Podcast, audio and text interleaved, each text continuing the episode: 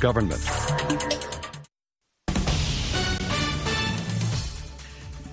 This is VOA News. I'm Tommy McNeil. The Israeli military says it has rescued two hostages from captivity in the Gaza Strip. It identified them as Fernando Simon Marman and Louis Har. Says both men were kidnapped by Hamas militants from kibbutz, kibbutz in the October 7th cross-border attack.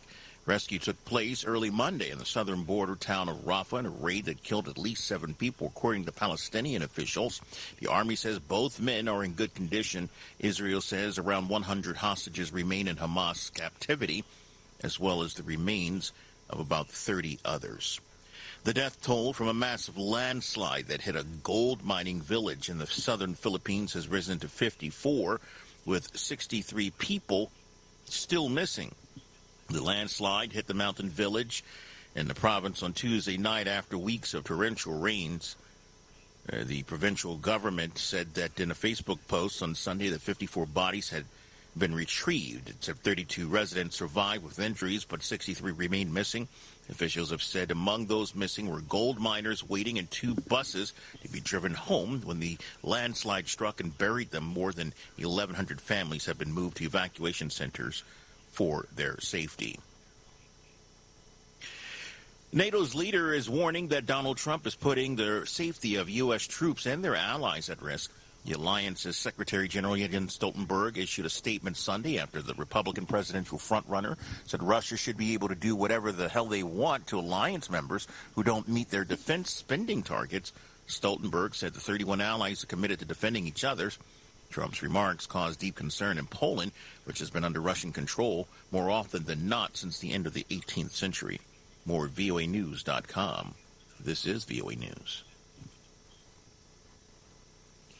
Ukrainian officials say that Russian forces launched 45 drones over Ukraine in a five and a half hour barrage. The Ukrainian Air Force said it shot down 40 of the Iranian made drones over nine different regions, including on the outskirts of the capital. Strike comes as President Volodymyr Zelensky continues his reshuffle of Ukraine's war cabinet after naming a colonel as the country's new military chief Thursday. He appointed a lieutenant general as the new commander of Ukraine's ground forces, with Kiev trying to maintain momentum against attacking Russian forces as the war enters its third year.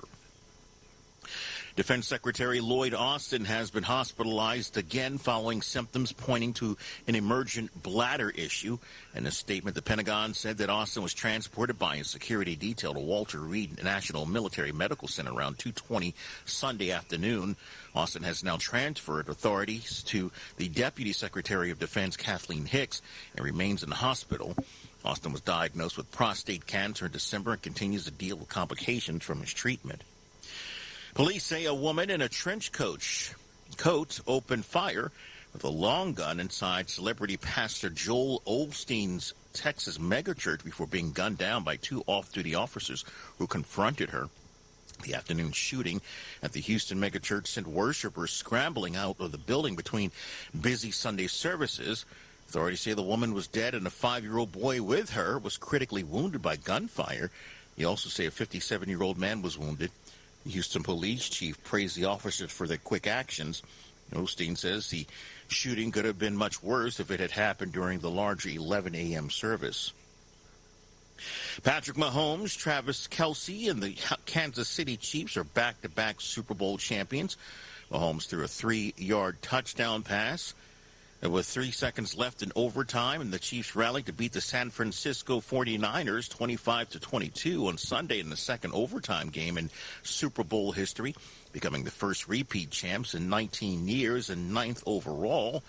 With pop star Taylor Swift watching boyfriend Kelce from a suite, the Chiefs captured their third Super Bowl title in five years and firmly established themselves as a dynasty. Recapping our top story, the Israeli military says it has rescued two hostages from captivity in the Gaza Strip. It identified them as Fernando Simon Marman and Luis Har and says both men were kidnapped by Hamas militants from a kibbutz in the October 7th cross-border attack that occurred. More at voanews.com. I'm Tommy McNeil, VOA News.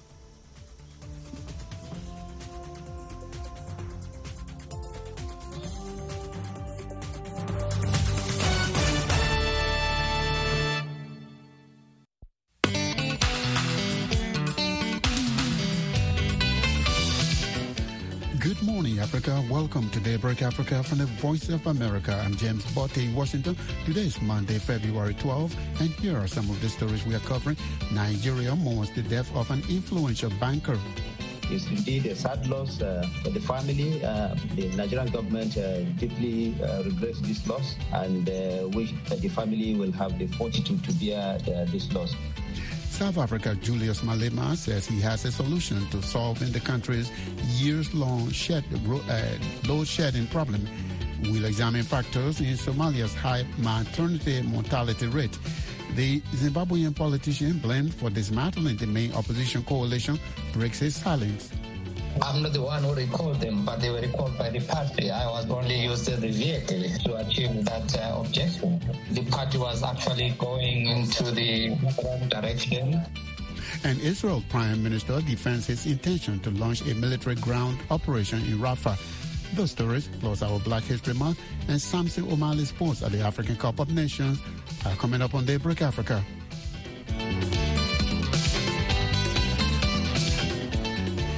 Nigerians are mourning the death of Roosevelt Herbert Wigwe, the CEO of Access Bank Holdings. Wigwe, his wife, son, and others died Friday when their helicopter crashed in California. The U.S. National Transportation Safety Board said on Sunday it is investigating the cause of the crash. I spoke with Information Minister Mohammed Idris Malagi about the tragedy shortly before Nigerian Super Eagles took to the pitch against Ivory Coast in the finals of the 2023 Africa Cup of Nations.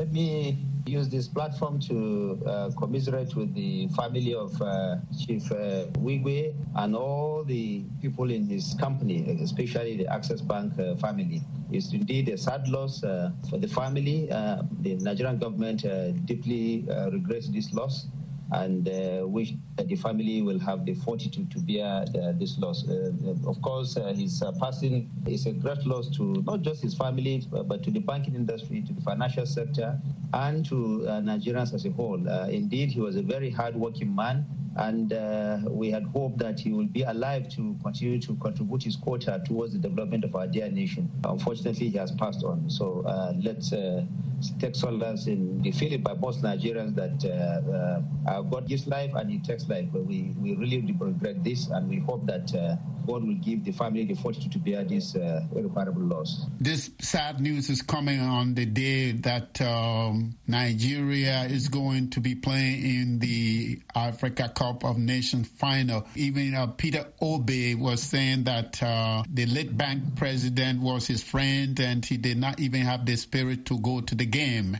So I'm just imagining how much impact this is having on Nigerians indeed a such, such situation, all Nigerians to take heart and to not be completely dampened by this.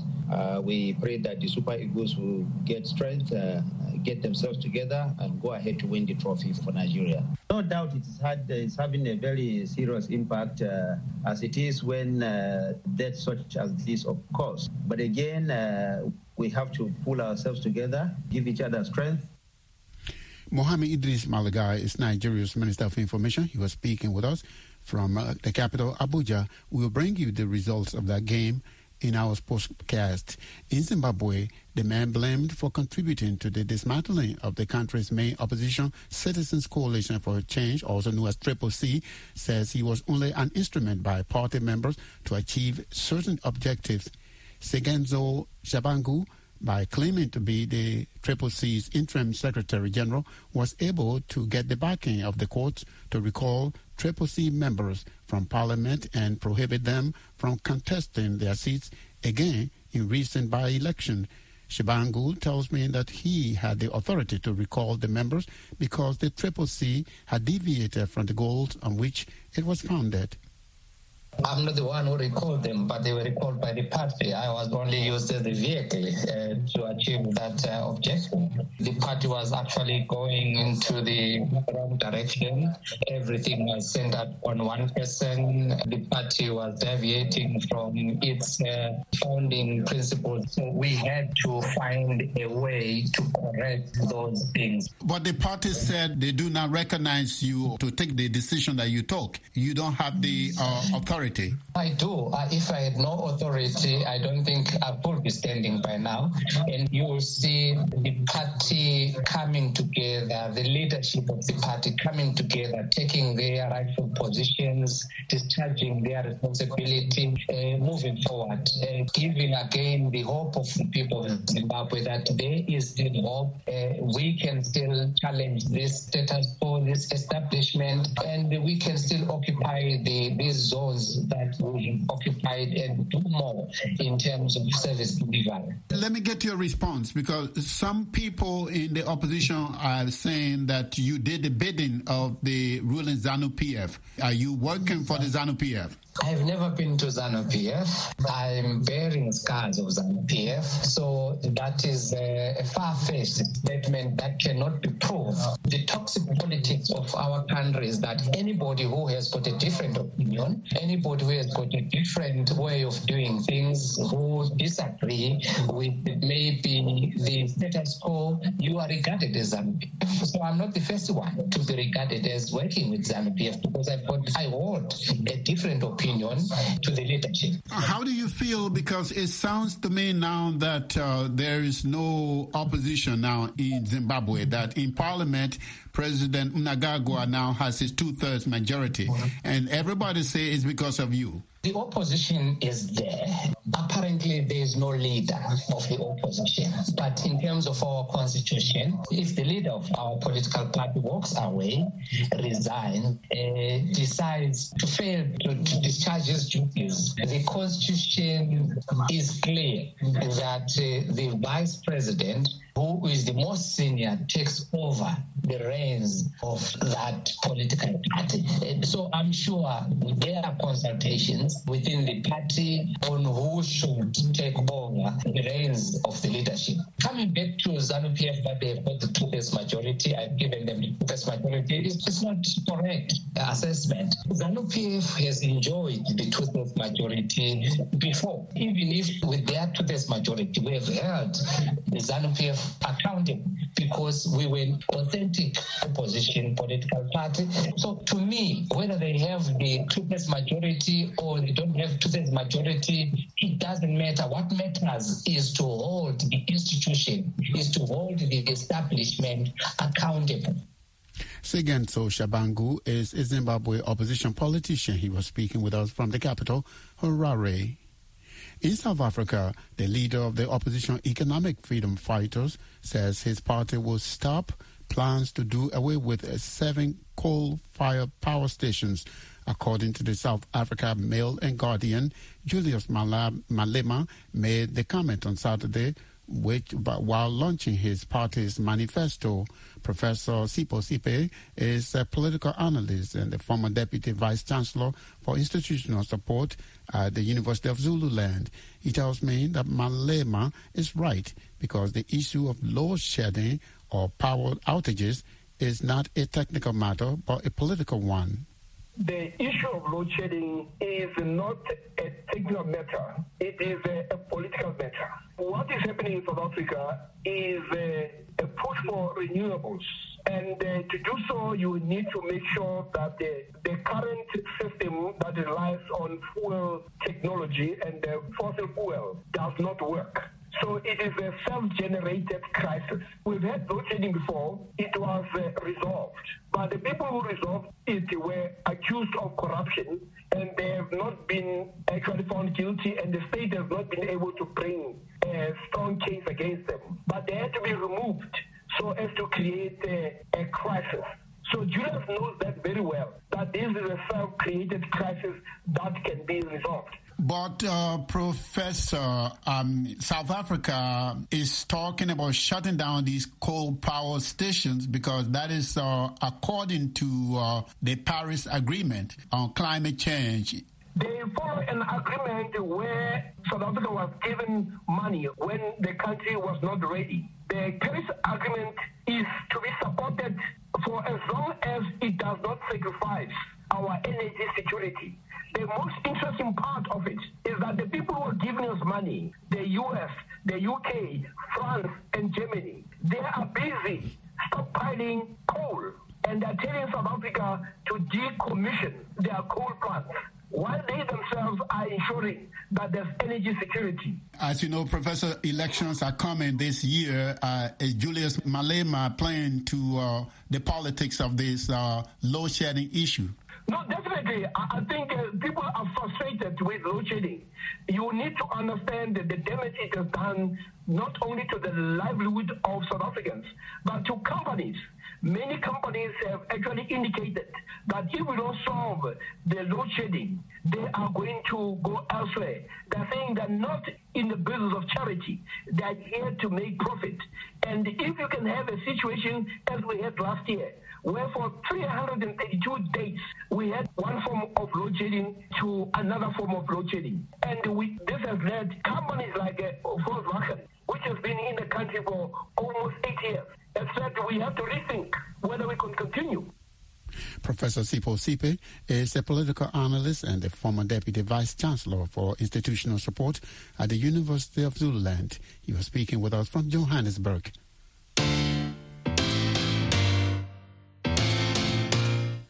You are listening to Daybreak Africa on the Voice of America. I'm James Butty in Washington. Today is Monday, February 12.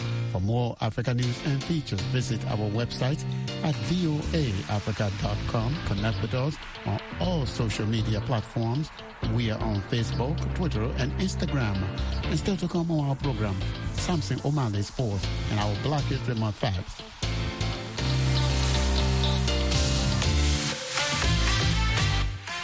Conflicts, a poor health system, and a lack of access to health care are still major factors in the high maternal mortality rate in Somalia. And the country's health officials, another contributor of high maternal mortality is the practice of female genital mutilation, which is a widespread custom in the country. On the line to Mogadishu, my colleague Harun Maruf spoke to Dr. Mustafa Awi Jama, the director of the Family Health Department at the Somali Ministry of Health. The maternal mortality trends in Somalia is, as we speak, is 621 per 100,000 life paths. That is according to the UN train estimates uh, 2022. Also, according to Somali Demographic Health Survey, which was a survey which was conducted in 2020 and a survey which is usually conducted every five years, it is 900, uh, 692 per 100,000 life paths. So that is the maternal mortality rate in our country as we speak currently. And how does that compare to other countries with similar circumstances, similar situation in Somalia? The maternal mortality in, in, in, Somalia is actually one of the highest in the world globally. We are number one uh, in maternal mortality in the world. However, if you compare the surrounding countries, the rate does not differ as much. Maybe they are less than by 100 or 150 compared to our rates. But of course, Somalia is one of the. And what are the factors, the causes of this high rate of maternal mortality? There are many factors that, you know, as you know, the country of Somalia is now recovering from conflicts. And you know, the health system of the country has been devastated over the last 30 years. There are many challenges which contribute to this high maternal mortality.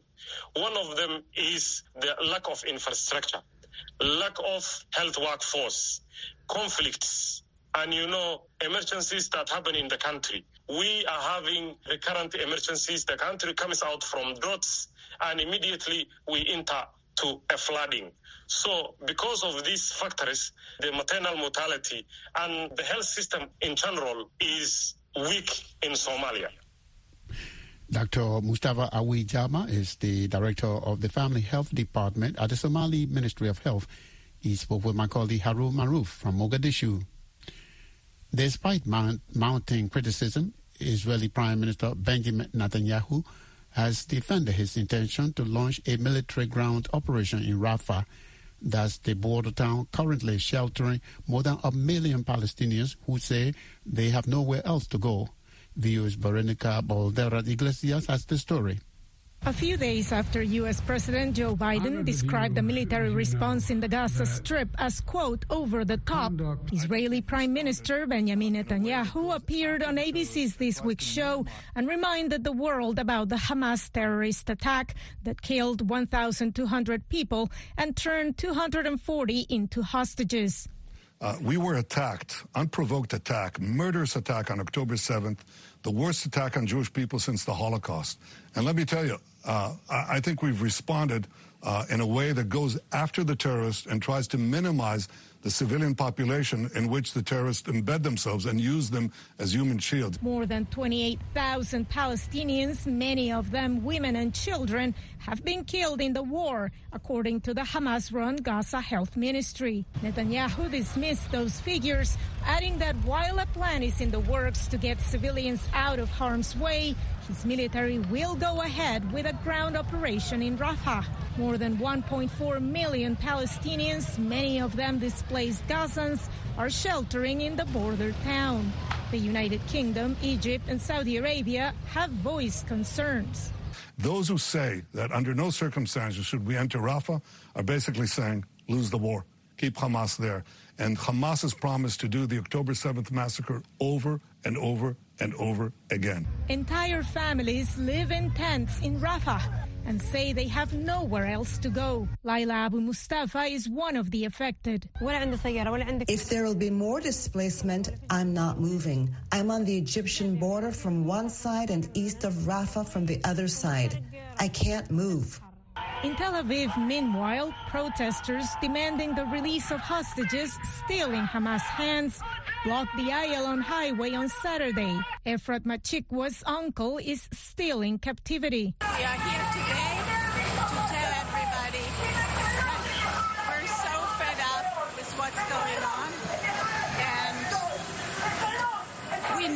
people are with us, but we don't feel the government is, and it's about time.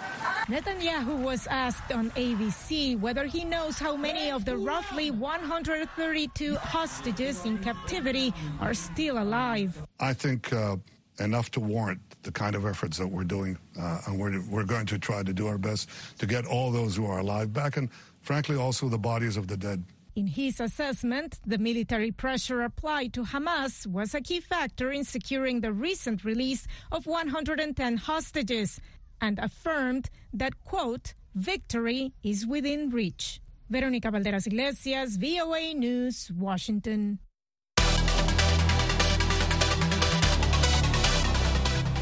It's time now for Daybreak Africa Sports, and here is Samson Omale in Abidjan, Ivory Coast, at the Africa Cup of Nations. A very good Monday morning to you, Samson.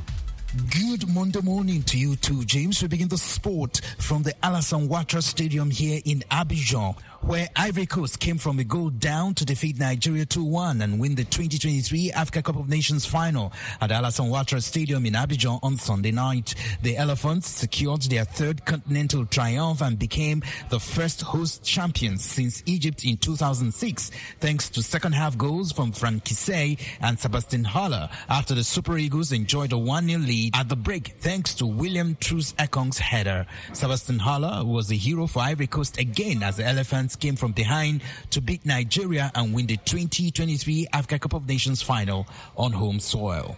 And talking about the 2023 AFCON final, with the curtains officially closed on the tournament, CAF awarded the best performance of the tournament.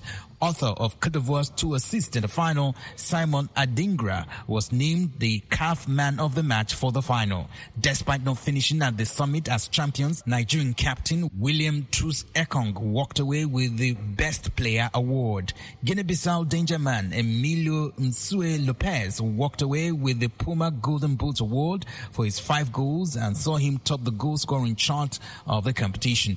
Bafana Bafana shortstopper Ronwen Williams was voted the best goalkeeper for his heroics with the bronze medalist, which includes a record four penalty saves against Equatorial Guinea and another two against DR Congo. In addition to finishing third in the competition, Bafana Bafana's bronze medal is accompanied by the Fair Play Team Award. Away from the awards now to some quick facts and figures from the final match of the CAF Africa Cup of Nations. For the 12th time in history, the host country have won the CAF Africa Cup of Nations and the first since Egypt in 2006.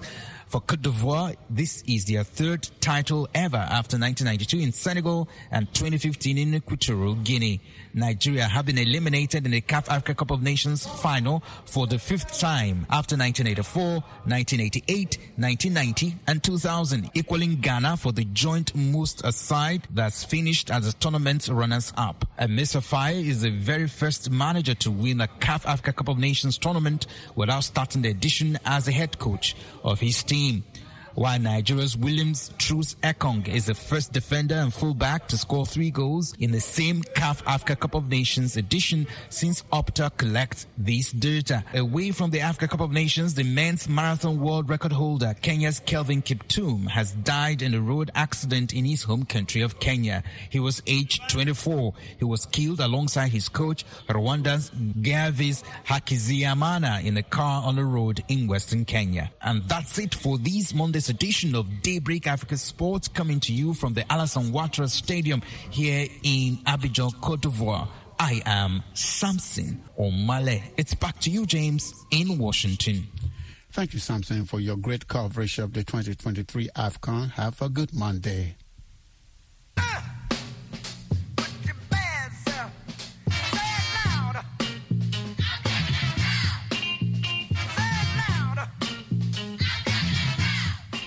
It's time now for our Black History Month and African History Fact for today, February 12th. On this day in 1909, the National Association for the Advancement of Colored People, also known as NAACP, was founded. The NAACP is the oldest and largest U.S. civil rights organization. Its main goal is to bring about social, political, and economic equality for black people. Also, on this day in 1809, Abraham Lincoln was born in Hodgenville, Kentucky. Lincoln was the 16th president of the United States. In 1863, two years after the U.S. Civil War started, he issued the Emancipation Proclamation to free black slaves in some southern states. Slavery was one of the causes of the U.S. Civil War. The proclamation freed all slaves in the rebellious or Confederate states, but not those slaves in the states that were loyal to the Union. On this day in 1934, American professional basketball player William Felton Bill Russell was born in West Monroe, Louisiana. He played for the Boston Celtics of the National Basketball Association NBA from 1956 to 1969. A five-time NBA Most Valuable Player, Russell was the centerpiece of the Celtics dynasty, winning 11 NBA championships during his 13-year career.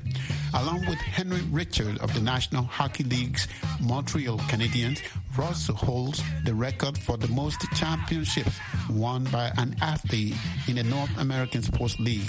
He died July 31, 2022 at age 88. Those are your Black History Month and African History facts for today, February 12th.